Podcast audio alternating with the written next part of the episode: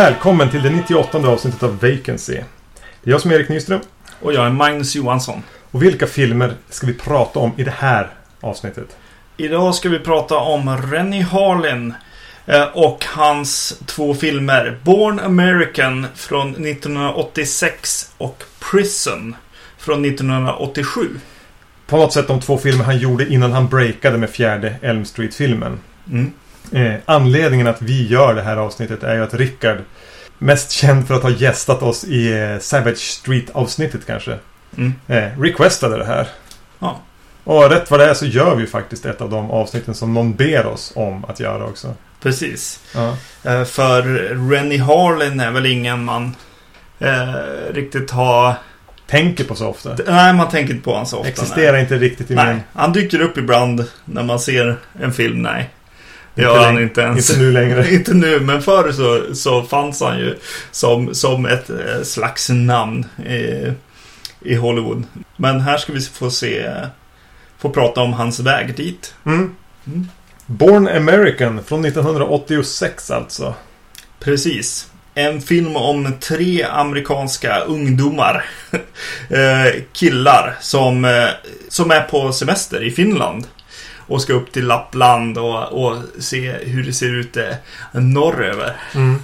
Och ehm, eh, helt plötsligt så klampar de ju på fyllan eh, in över den sovjetiska gränsen. Mm. På den här tiden var ju ändå när järnridån stod.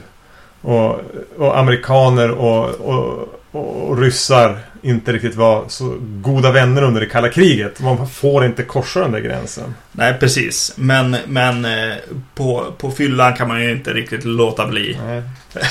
Så det är väl egentligen eh, premissen till den här filmen. Eh, det, det går ju inte så bra för dem i, i Sovjet. Nej, verkligen heller. inte. Nej. Men jag tänker att vi kommer dit i takt med att vi, vi pratar om filmen. Mm.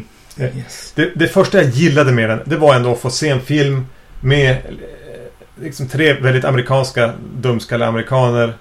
Som känns som att den är, utspelas i Sverige. För Finland, Sverige, det ser i, princip likadant ut. Ja. Och, så, och så just norra delen också med, med tallar, granar, snöiga små landsvägar. Den känslan gillade jag. Mm. Så det blir ett ganska trevligt anslag direkt i början. Ja, Eh, Genom all, all, all, all lukten av lågbudget. Precis. Eh, Det, det är ju en finsk film.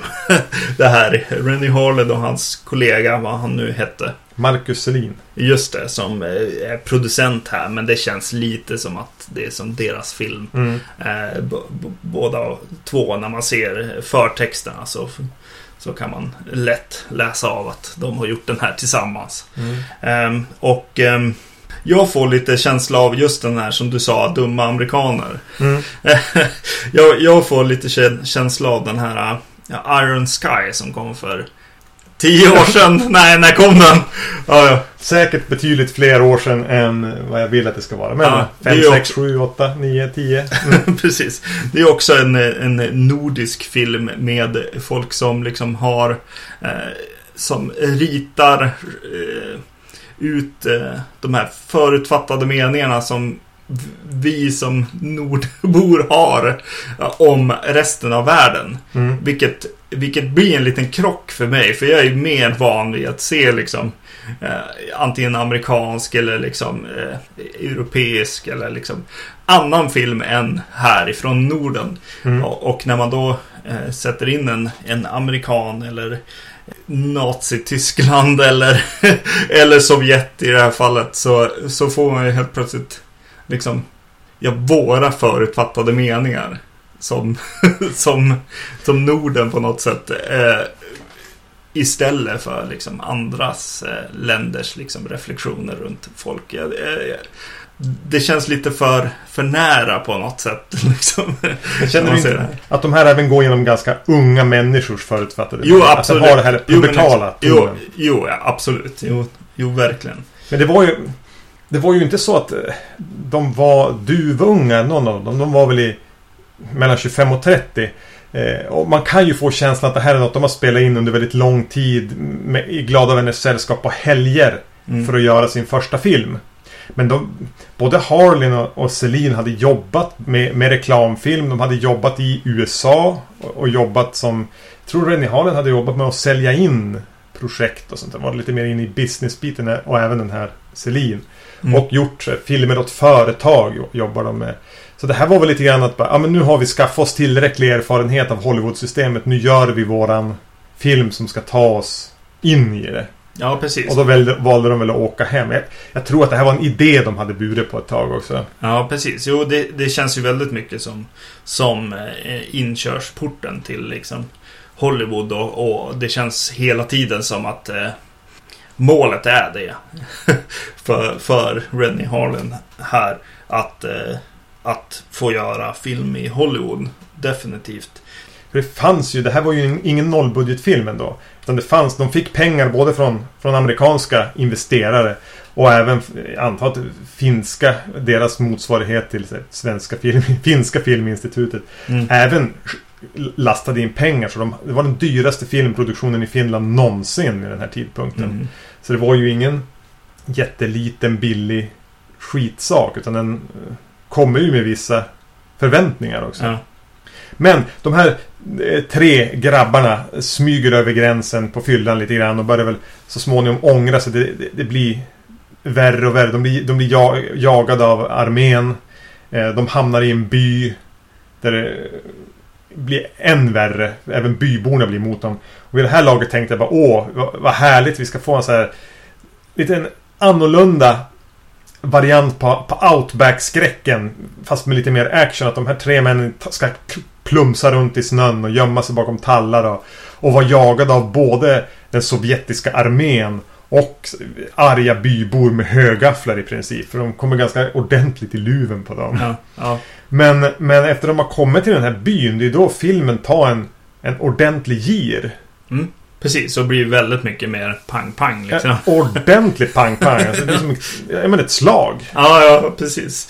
Uh, precis, och det är här någonstans och även tidigare tror jag att de är lite jagade av, av armén där också. Mm, innan de har tagit sig till byn. I, I någon lite mindre liksom, eh, actionsekvens där. Det blir i alla fall lite skjuta av. Uh, och där, just i den här byn, så, så börjar jag tänka på våra, våran svenska actionkung Mats Helge. Mm. För jag har just sett eh, den här dokumentären som gick på SVT eh, om honom. Eh, regissören som försvann. Den heter någonting liknande i alla fall. Ja, actionsekvenserna som, som dyker upp här med just att så här, ja, det är mycket skott, det är mycket så här blodsquibs och, och ja men bazookas och grejer mm. liksom som dyker upp här och jag, och jag, jag börjar verkligen tänka på den, eh, den dokumentären där, där det nästan bara är sådana klipp liksom från hans. Spränger mycket, mycket tomma lador med. Ja, precis. Och just när jag har börjat eh, ha skrivit ner, det känns lite som Mats Helge här. Då, då är vi i den här kyrkan. Och eh, Eh, prästen vänder sig om och spelas ju då av Mats Helge själv. Mm. det, det, var verkligen... ja, det, jag fick en liten, liten chock där. Jag bara, jaha, ja, ja. Overklighetsupplevelse. ja, Eh, det känns lite som att han är där. Eh, och som liksom... Eh, för att hjälpa upp Rennie Harlin med lite av det här. Men tips på hur du kan spara ja. pengar eller göra actionsekvenser på ett enkelt och någorlunda effektivt sätt. Exakt, exakt. Definitivt. Och det är därför man känner av honom. Känner jag att det, att det är så, ja. Även när de kommer till den här byn. Eh, man förstår att, att de har ju inte varit någon, ett, i närheten av den ryska gränsen när de har spelat in den här filmen. Det var, världsläget var inte riktigt så att du kunde knalla in i Sovjet hur du ville 1986. Nej. Så de har ju bara använt finska skådespelare för att spela ryssar. Ah. Och dels så syns det mm. rent eh, i utseendemässigt. Dels känner man också att det här är här är Finland. Ja, Ladorna ser ut som hemma på något vis. Och folket ser lite utklädda ut. Mm. Det är lite synd att det ska vara så uppenbart eh, amatörskådisar från eh, bekantskapskretsen eller eh, mindre belevrade teaterföreningar mm, som man har fått tag i. Precis. Och jag tycker det är starkast i den här byn. Ja, precis. Jo. Eh, så just den här switchen också. Jag, måste säga att jag tyckte om scenerna där i, i byn och hur, ja, in, ja, kanske inte hur den bygger upp, men snarare när de kommer in. De blir ju indragna, liksom, eh, ledda in i en kyrka. Mm. Eh, de här, eh, eller två av de här amerikanerna.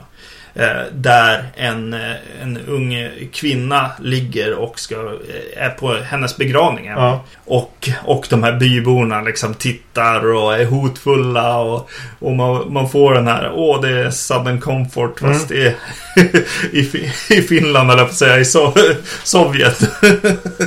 och eh, jag gillade det och sen, sen då att det liksom bara es eskalerar och, och det skjut, ja den första som skjuts är väl prästen själv Ja. liksom. Och, Ganska och det blir- omotiverat också. Ja, det blir en ganska fartfylld actionsekvens där.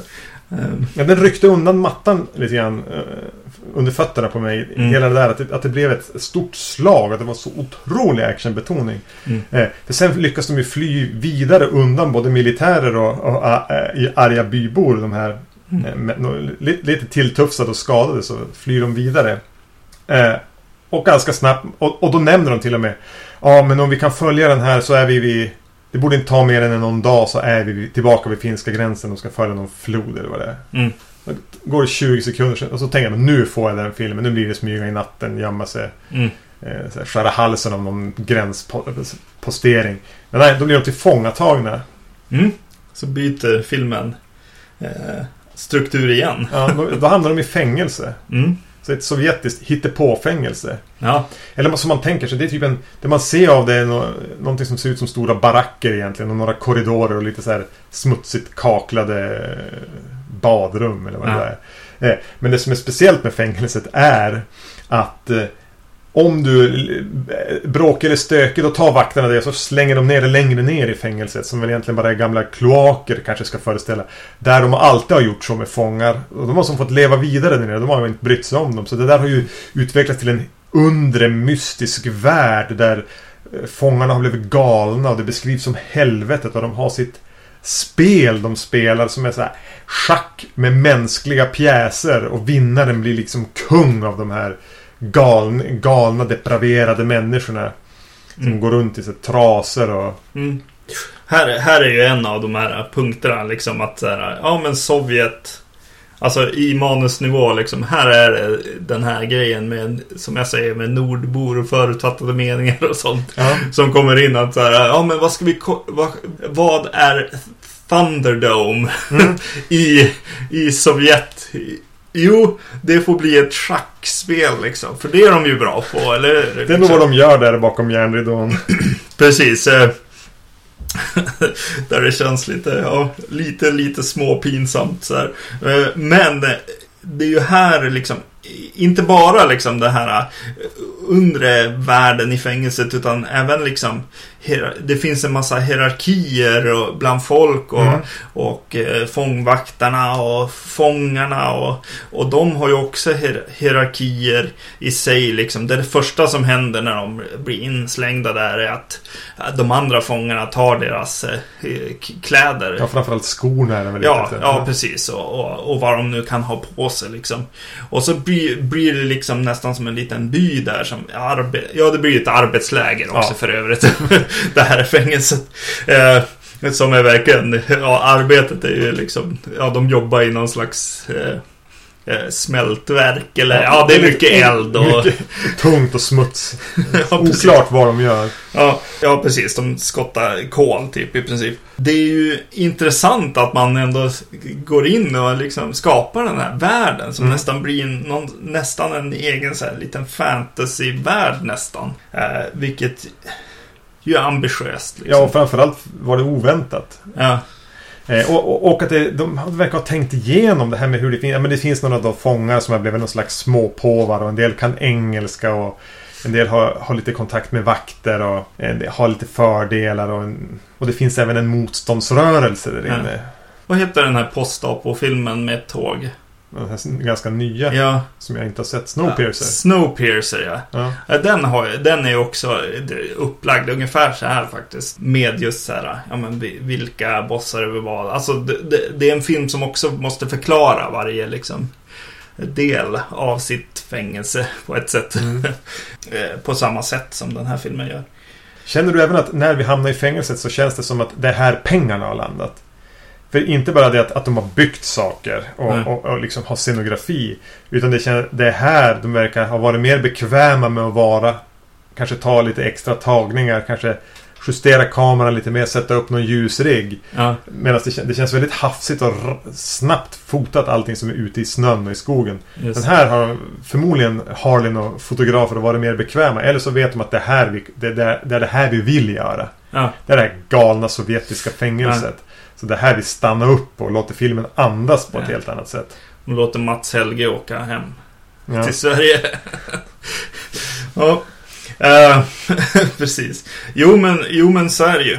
Det är ju en film som är... Den är ju inte så lång, men den har ju så jäkla mycket i sig, känns det som. Alltså de, de hinner med att göra alla tester som de behöver till sin Hollywood-reel Mm. på något sätt. eh, Ja, eh, för att inte komma för långt in i filmen. Men det kommer ju kärleksscener och grejer Ja. också i den här. Eh, Det känns också lite grann som det är det för mig. Att så här, ja, men vi ska ha lite sånt och lite sånt och lite sånt. I den här. Men det är ju för att jag, jag, jag ser den ju mer som, en, som ett prov inför Hollywood. På något Ja, sätt. då var det det som var hans, hans ambition. Men samtidigt var det väl lite grann en idé han hade gått och ruva på och ville göra. Mm. Eh, Men äh, när vi hamnar här inne också, att den, den stannar ju upp och står still och Mm. blir ganska... Det, det är en av, en av de gänget som är sårad. Mm. Han ligger liksom och, och, och kvider med en filt över huvudet. Ja. I oändlighet. Och han är dit och typ klappar han på kinden och, och, Ja. och kommer tillbaka och hämtar lite vatten. Och, där kommer vi ingenstans. Det ska som bara eh, marineras i den här fängelsevärlden. Ja. Eh, Medan den har ett fruktansvärt fart när de, innan det. ja, precis. Jo, det blir Riktigt driv. avbrott. Men- Och det är kanske på gott och ont att han känner sig mer bekväm inom, inomhus. Ja, ja precis. Det, det kommer ju ut en, en huvudperson här. Mm. Eh, för, för, ja, de är skadade, det händer saker liksom med, med de andra. Och, vi, vi får eh, liksom våran, eh, den, den som är vi på något sätt, eh, är den här blonda personen som än en gång, precis som, som jag brukar när vi ser på film, brukar jag få så här, känner jag igen den här personen? Mm. Så här, Åh, jag känner igen han. Och så bara, vad har jag sett så här? Eh, och så börjar jag kolla upp och så bara, nej. Jag, jag vet fortfarande inte vart jag sett han, men jag insåg ju då under min, min check att han är ju Chuck Norris eh, son. Ja. Mike Norris. Eh, men jag såg faktiskt inga filmer som jag kände igen. Han är, ju, han är en av de där tre amerikaner som har gjort film. Liksom. Ja. ja, precis. Jo. Och samtidigt är han väl kanske den ocharmigaste av dem. Ja. Eh, läste att, att tanken var att Chuck Norris skulle spela den rollen. Ja, okej. Han var kontrakterad till och med. Men det, de skulle få ihop finanser, få ihop pengar. Så det drog ut in, inspelningsstarten drog ut på tiden och då var han tvungen. De krockade med hans schema. Så kunde han inte. Ja. Så då recastade de med hans son. Eh, tror du hans son sa jag kan göra det? Eller tror du att Chuck Norris bara skickade sin son istället? Det här är inte Chuck Norris. Åh, nej. Men jag tycker han är, han är den sämsta av de tre huvudpersonerna. Ja, precis. Jo, jo. Ja, jag känner faktiskt igen en, en av de andra också. Från, från någonting. Men Ja. han har varit lite mer med i tv och grejer så här. Så att man har säkert sett det någonstans. Men... Eh, ja, jag vet inte. Jag, ty jag tycker det blir lite för tråkigt i vissa segment här i, i fängelset. Eh, Men jag är imponerad över att de har byggt den här världen ändå. Att de liksom bemödar sig ens med Mm. det. För det, det skulle inte be, behövts egentligen i en sån här film. Utan du kunde ha fortsatt att springa genom en skog och försöka gömma dig lite då och då. Liksom. Ja, det var ju vad jag hade förväntat mig. Så jag gillade överraskningen jag Ja. fick när jag helt plötsligt skulle vara var en fängelsefilm. Ja, Även precis. om jag tyckte det blev trist. Mm. Men sen så, så eh, kan jag inte låta bli att gilla de här liksom låg budget men ändå jätteambitiösa actionsekvenserna med squibsen och explosioner och mynningsflammor och raketgevär och kulhål och stuntmän och Mm. krossat glas framförallt har de också väldigt mycket av. Eh, det är liksom lite kul verkligen.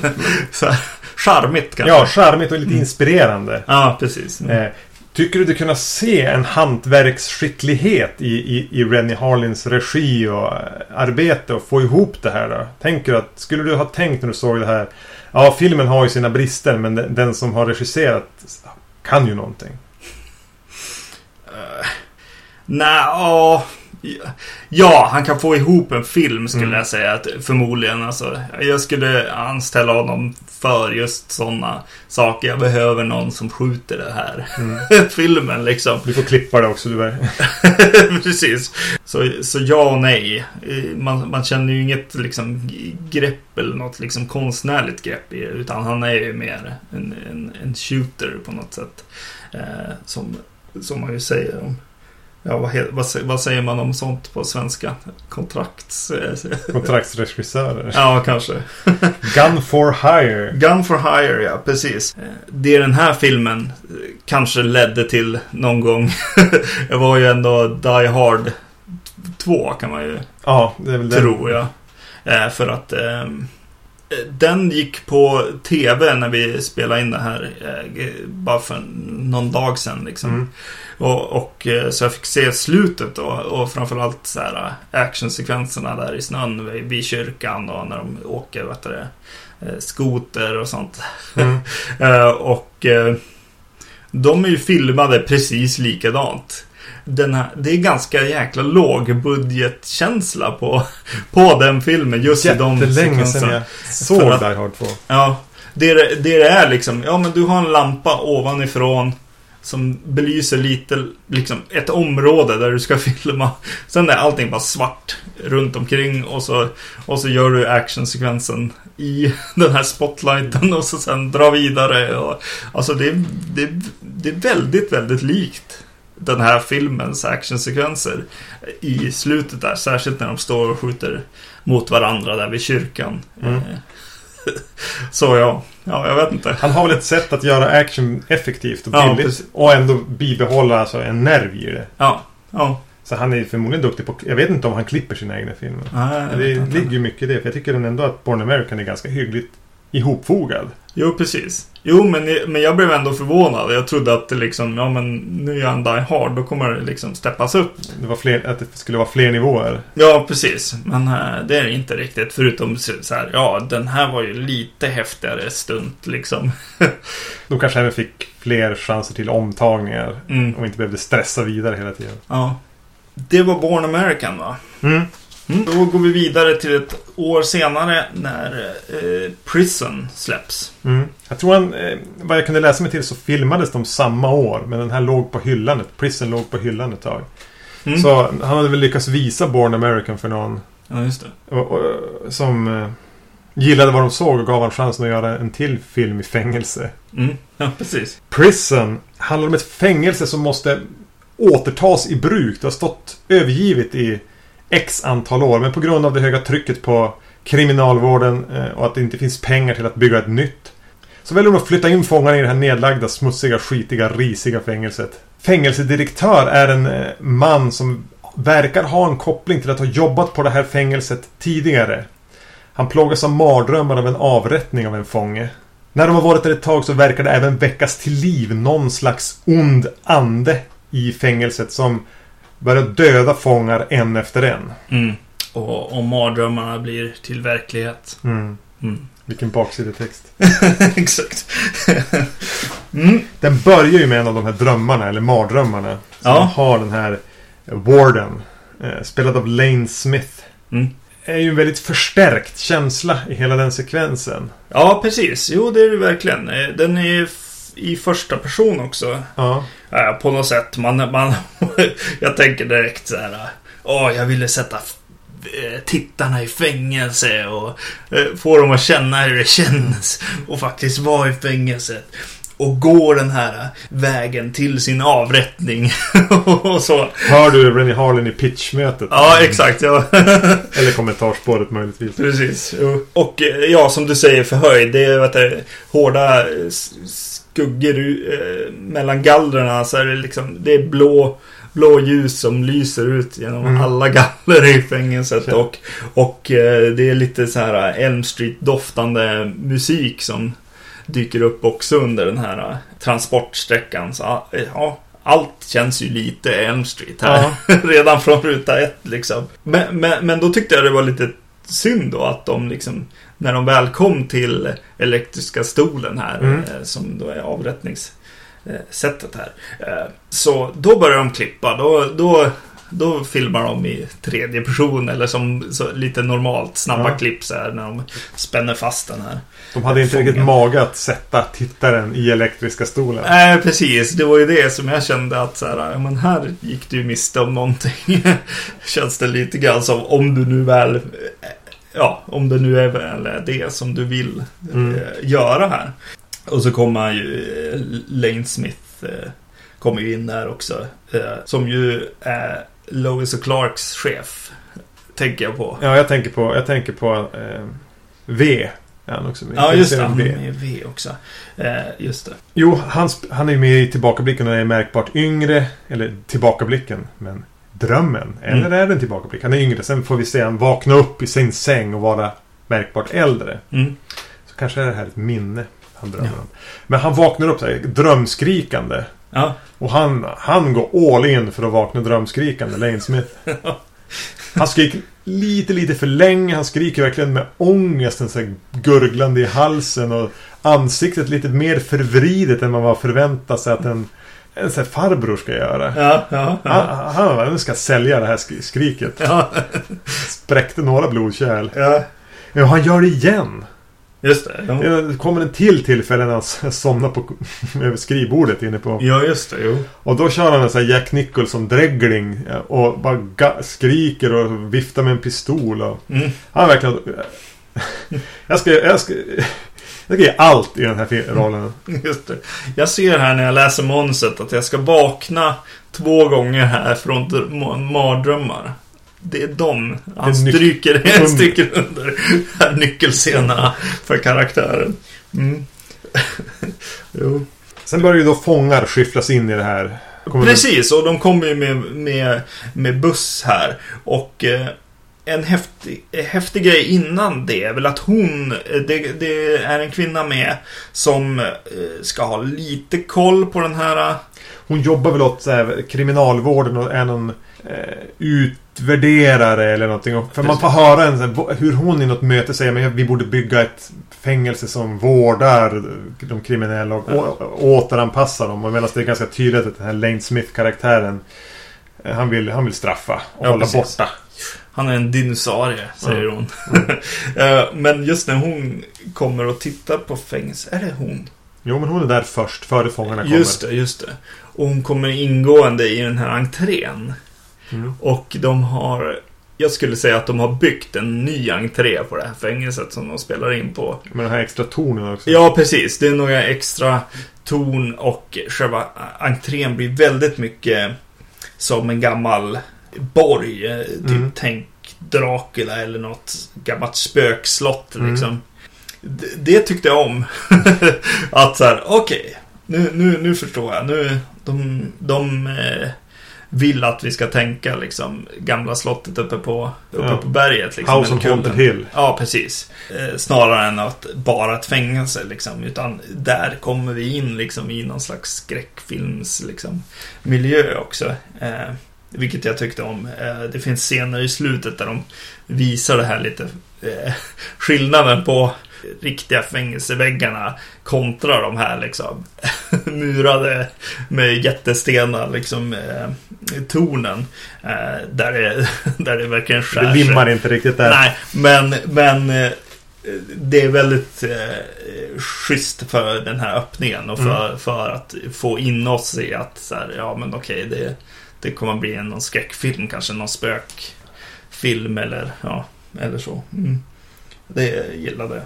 Sen så kommer ju fångarna här och några fångar, eh, ett par fångar hamnar i en buss. Det är en av dem som, som vill eh, fly direkt och, och eh, kapar en av bussarna här och kör runt lite grann på gården. Och, eh, och det händer som inget av det egentligen utan de hamnar i, i isoleringen och Mm. andra fångar blir inskrivna och, och satta på sina rum och efter det så börjar de introducera vi- vilka de här karaktärerna är. Men, men mellanrummet liksom från att så här, bussarna kör in eh, på gården till att de är i sina celler och börjar långt. faktiskt prata. Ja, det är väldigt, väldigt långt. Det sätter ju någon slags avstamp för mig i den här filmen att så här, ska, ska det vara så här? Kommer det vara bara en massa liksom fluff liksom emellan de faktiska scenerna eller vad? Det är väldigt kul att du säger, för jag hade tänkt fråga dig ganska... För filmen har ett väldigt lågt tempo. Ja, Och, och om jag ska tolka vad jag hörde säga nu så, så är, är det ett problem för dig. Ja, för mig är det ett, ett stort problem med Ja. den här filmen. För att eh, det finns för lite historia för att göra en film. De skulle kanske ha gjort typ ett avsnitt av The Outer Limits eller vad som gick på tv då. och eh, ja, för att få, få till den här scenen. Jag sitter hela tiden när jag ser den här filmen och vill ta bort Mm. kanske en minut från varje liksom fyra minuters scen. Jag, har, jag, jag skriver exakt samma sak. Men jag blev sugen på att sätta mig med den här filmen och klippa. Ja, Nej, den scenen behöver vi inte. Bussjakten där kanske vi inte ens behöver. Vi kan, korta, vi kan ta bort flera minuter där. Bara göra Ja. lite gurgel. Det där bort. Det är bort. Ja. Eh, Jo, men jag är lite så här, ja men klipp bort den första minuten av den här scenen. Det, det man skulle klippa bort är inte ens del av liksom, historien. Nej. Man kan, man kan behålla allting. Alla beats. och ändå liksom, ja, få ner den till en timme kanske. För jag blev förvånad tidigt. Det tog ett tag innan jag, innan jag, innan jag hade landat vänta nu. Den är ju, den är ju inte klippt den här filmen. Den, sa- den, de Nej. har ju bara låtit den svälla. Jäsa för länge. Mm. Eh, var att jag bara, oj vad mycket... Vilket, det är väldigt mycket drama det här. Ja, det var också en så här, är det drama det här? Ja, de går och pratar på, på fängelsegården och de sitter och pratar i sina celler. Och, Ja. Ja, men det är lite så här typiska fängelseintriger. Mm. Man har sett det förr. Någon räddar någon och, och någon försöker bli kompis och någon den här... Eh, Viggo Mortensen, kommer kanske återkomma, är där som den här lite tystlåtne eh, Mm. hjälten. Eh, och någon, någon av de här gängigare typerna försöker rekrytera han och de har en, liksom en stand-off som blir väldigt lång Mm. och helt meningslös. Eh, också bara klipp. Så jag tänker, eh, försöker de verkligen... Vill de att det ska vara i grund och botten en fängelsefilm? Vart ska det här... Kommer det här att leda någonstans? Var väl det Mm. jag började fundera. Det här enorma tiden som spenderas på att leka fängelsefilm. Är det här världsbyggandet som gjordes i Born American? Ja. Som vi ser nu? Eller, ja, och så bara, nej det är ju inte det. Nej, det är som du säger, det är fluff. Ja, precis. Jo. Det är scener som inte har trimmats. Nej, precis. Mm. Men eh, Viggo Mortensen, det här är tidig Viggo. Mm, ja, precis. Han är ju väldigt mycket hunk i den här filmen. Jättehunkig. Nästan aldrig någon tröja på honom. Och, Mycket väl ljussatta, så här, framhäva hans kindben, eh, vinklar. Ja, precis. Och, Få lite sexiga skrapsår. ja, precis. Jo. Jo, det känns lite som att det är det han är. Jag fick för mig att han gick runt och imiterade Clinton lite grann här också. Att han försökte köra Jo. lite det tystlåtna, men ändå väldigt, väldigt heroiska. Mm. Jo, så är det ju. Jo, jo det är ju sant. Alltså jag vet, jag vet inte. Jag tycker inte han gör någonting liksom dåligt här liksom. Egentligen. Utan det är bara hur han används och han, han gör ju det på ett bra sätt liksom. Man har ju någon, ändå någon naturlig så, här, Ja, över sig. Som Mm. gör att man tänker, ja men jag litar ändå på Viggo. ja precis. Jo. Jag behöver inte fundera om han är hjälten eller inte. Nej, precis. Jag behöver inte heller fundera speciellt länge på om Lane Smith är ond eller god. Nej, precis. Nej. Eh, Men eh, Tycker du det fungerar Lane Smiths sceneritogeri? För han, tar, han kan inte ha... Han är inte lugn. Alltså, han, är, Nej. han är arg och han är frustrerad och han är ond. Ja, För mig blir han ju ändå lite grann det som är roligt att titta på. ja, jo. Men eh, det är ju lite pajet också. Mm. Det är verkligen... Eh, om, om Viggo går runt och härmar Clinton så, så är ju det här lite en, en parodi på, på Jack Nicholson när han liksom clownar som mest. Ja, just det. Ja. Ja, jag satt och tänkte på i alla fall. Jo, jo, så är det ju. Ja, och sen, sen kommer det in en till aspekt då i filmen. Som ju är effekter och, och liksom skräckscenarierna, kan man kalla det det ens? On, ondskan. Ja, ondskan ja, som, som finns här. Eh, som eh, Viggo och en annan fånge får i upp, uppgift att eh, slå sönder en, en, en igenmurad dörr. Mm, in till avrättningskammaren. Ja, precis. Och eh, eh, när, när de väl får hål i väggen så lyser det liksom in med någon blått eh, jätteljust ljus. Mm, det blåser. som lo, låter. suger gör det. Ja, just det. Den su- suger in mot eh, dem.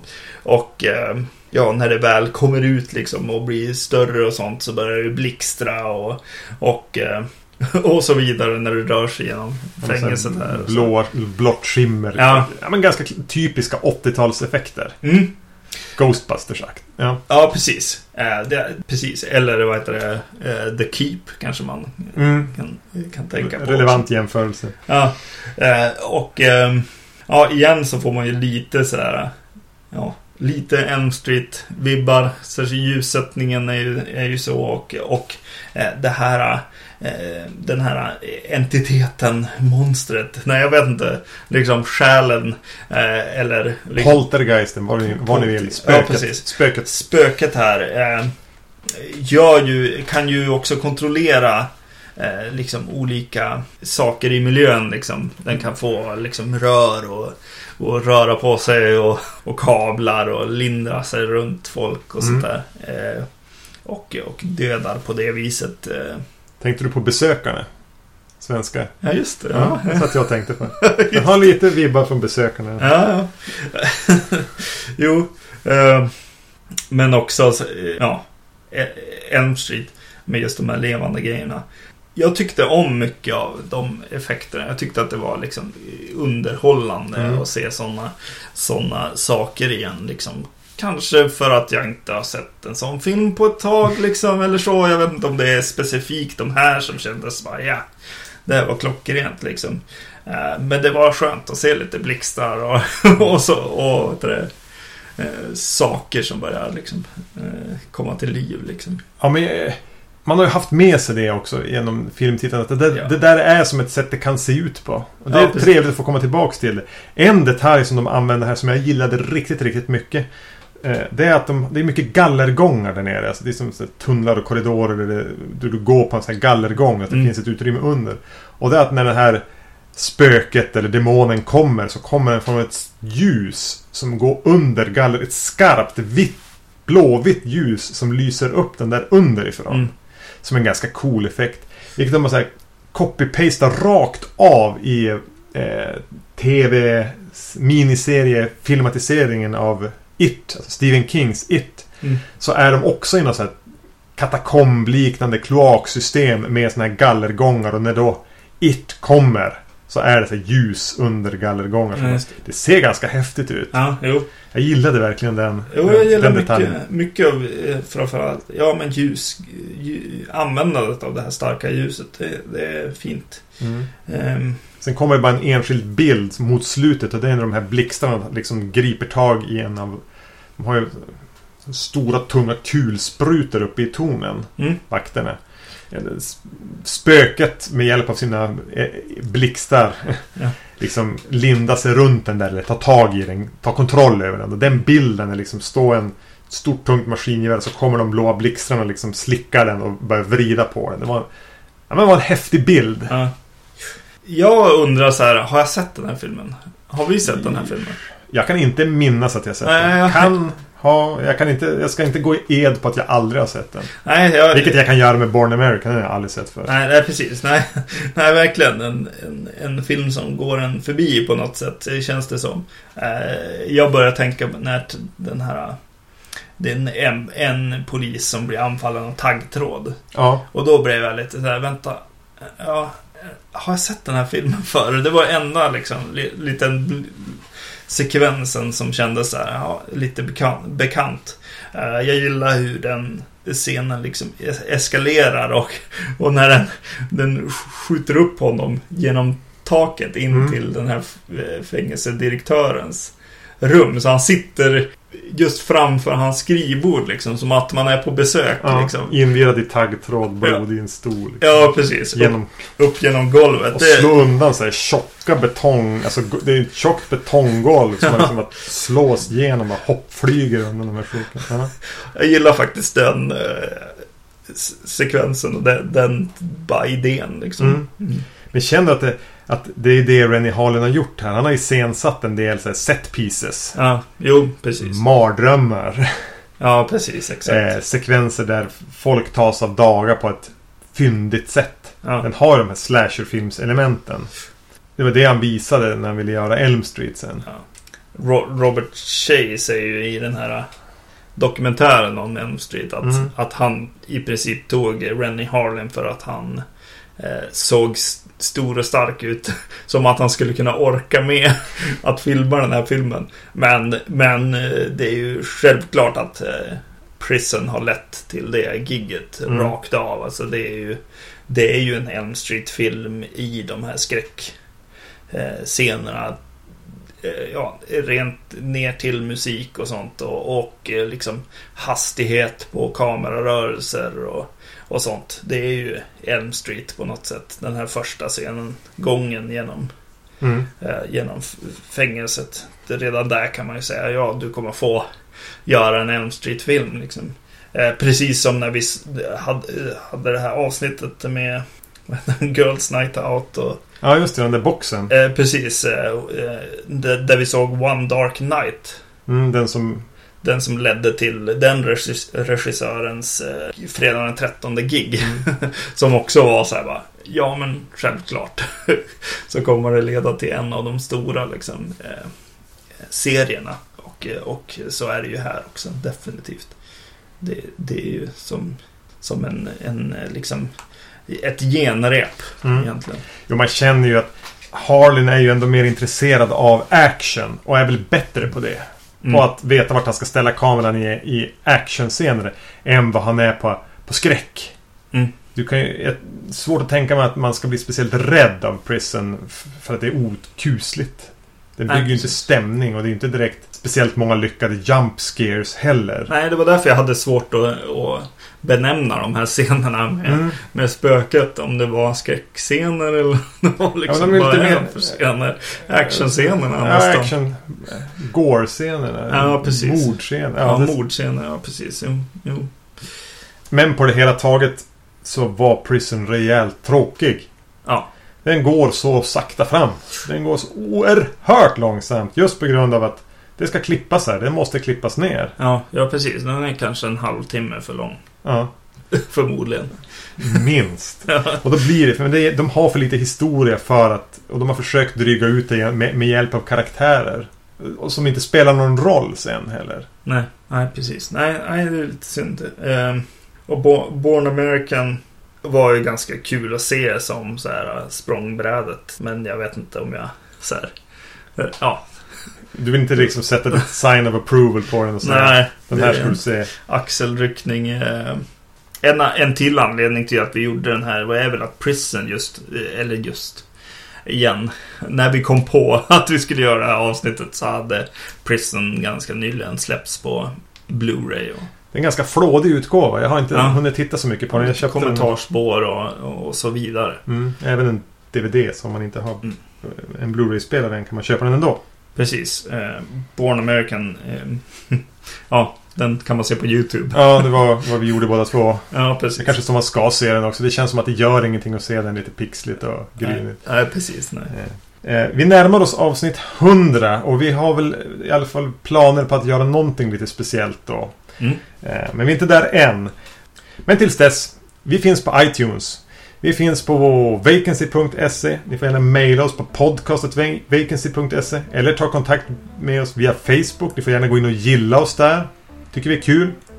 Vi är tacksamma för all form av feedback. Ja, vi finns även på filmfenix.se. Ja, Mm, tack och hej! hej.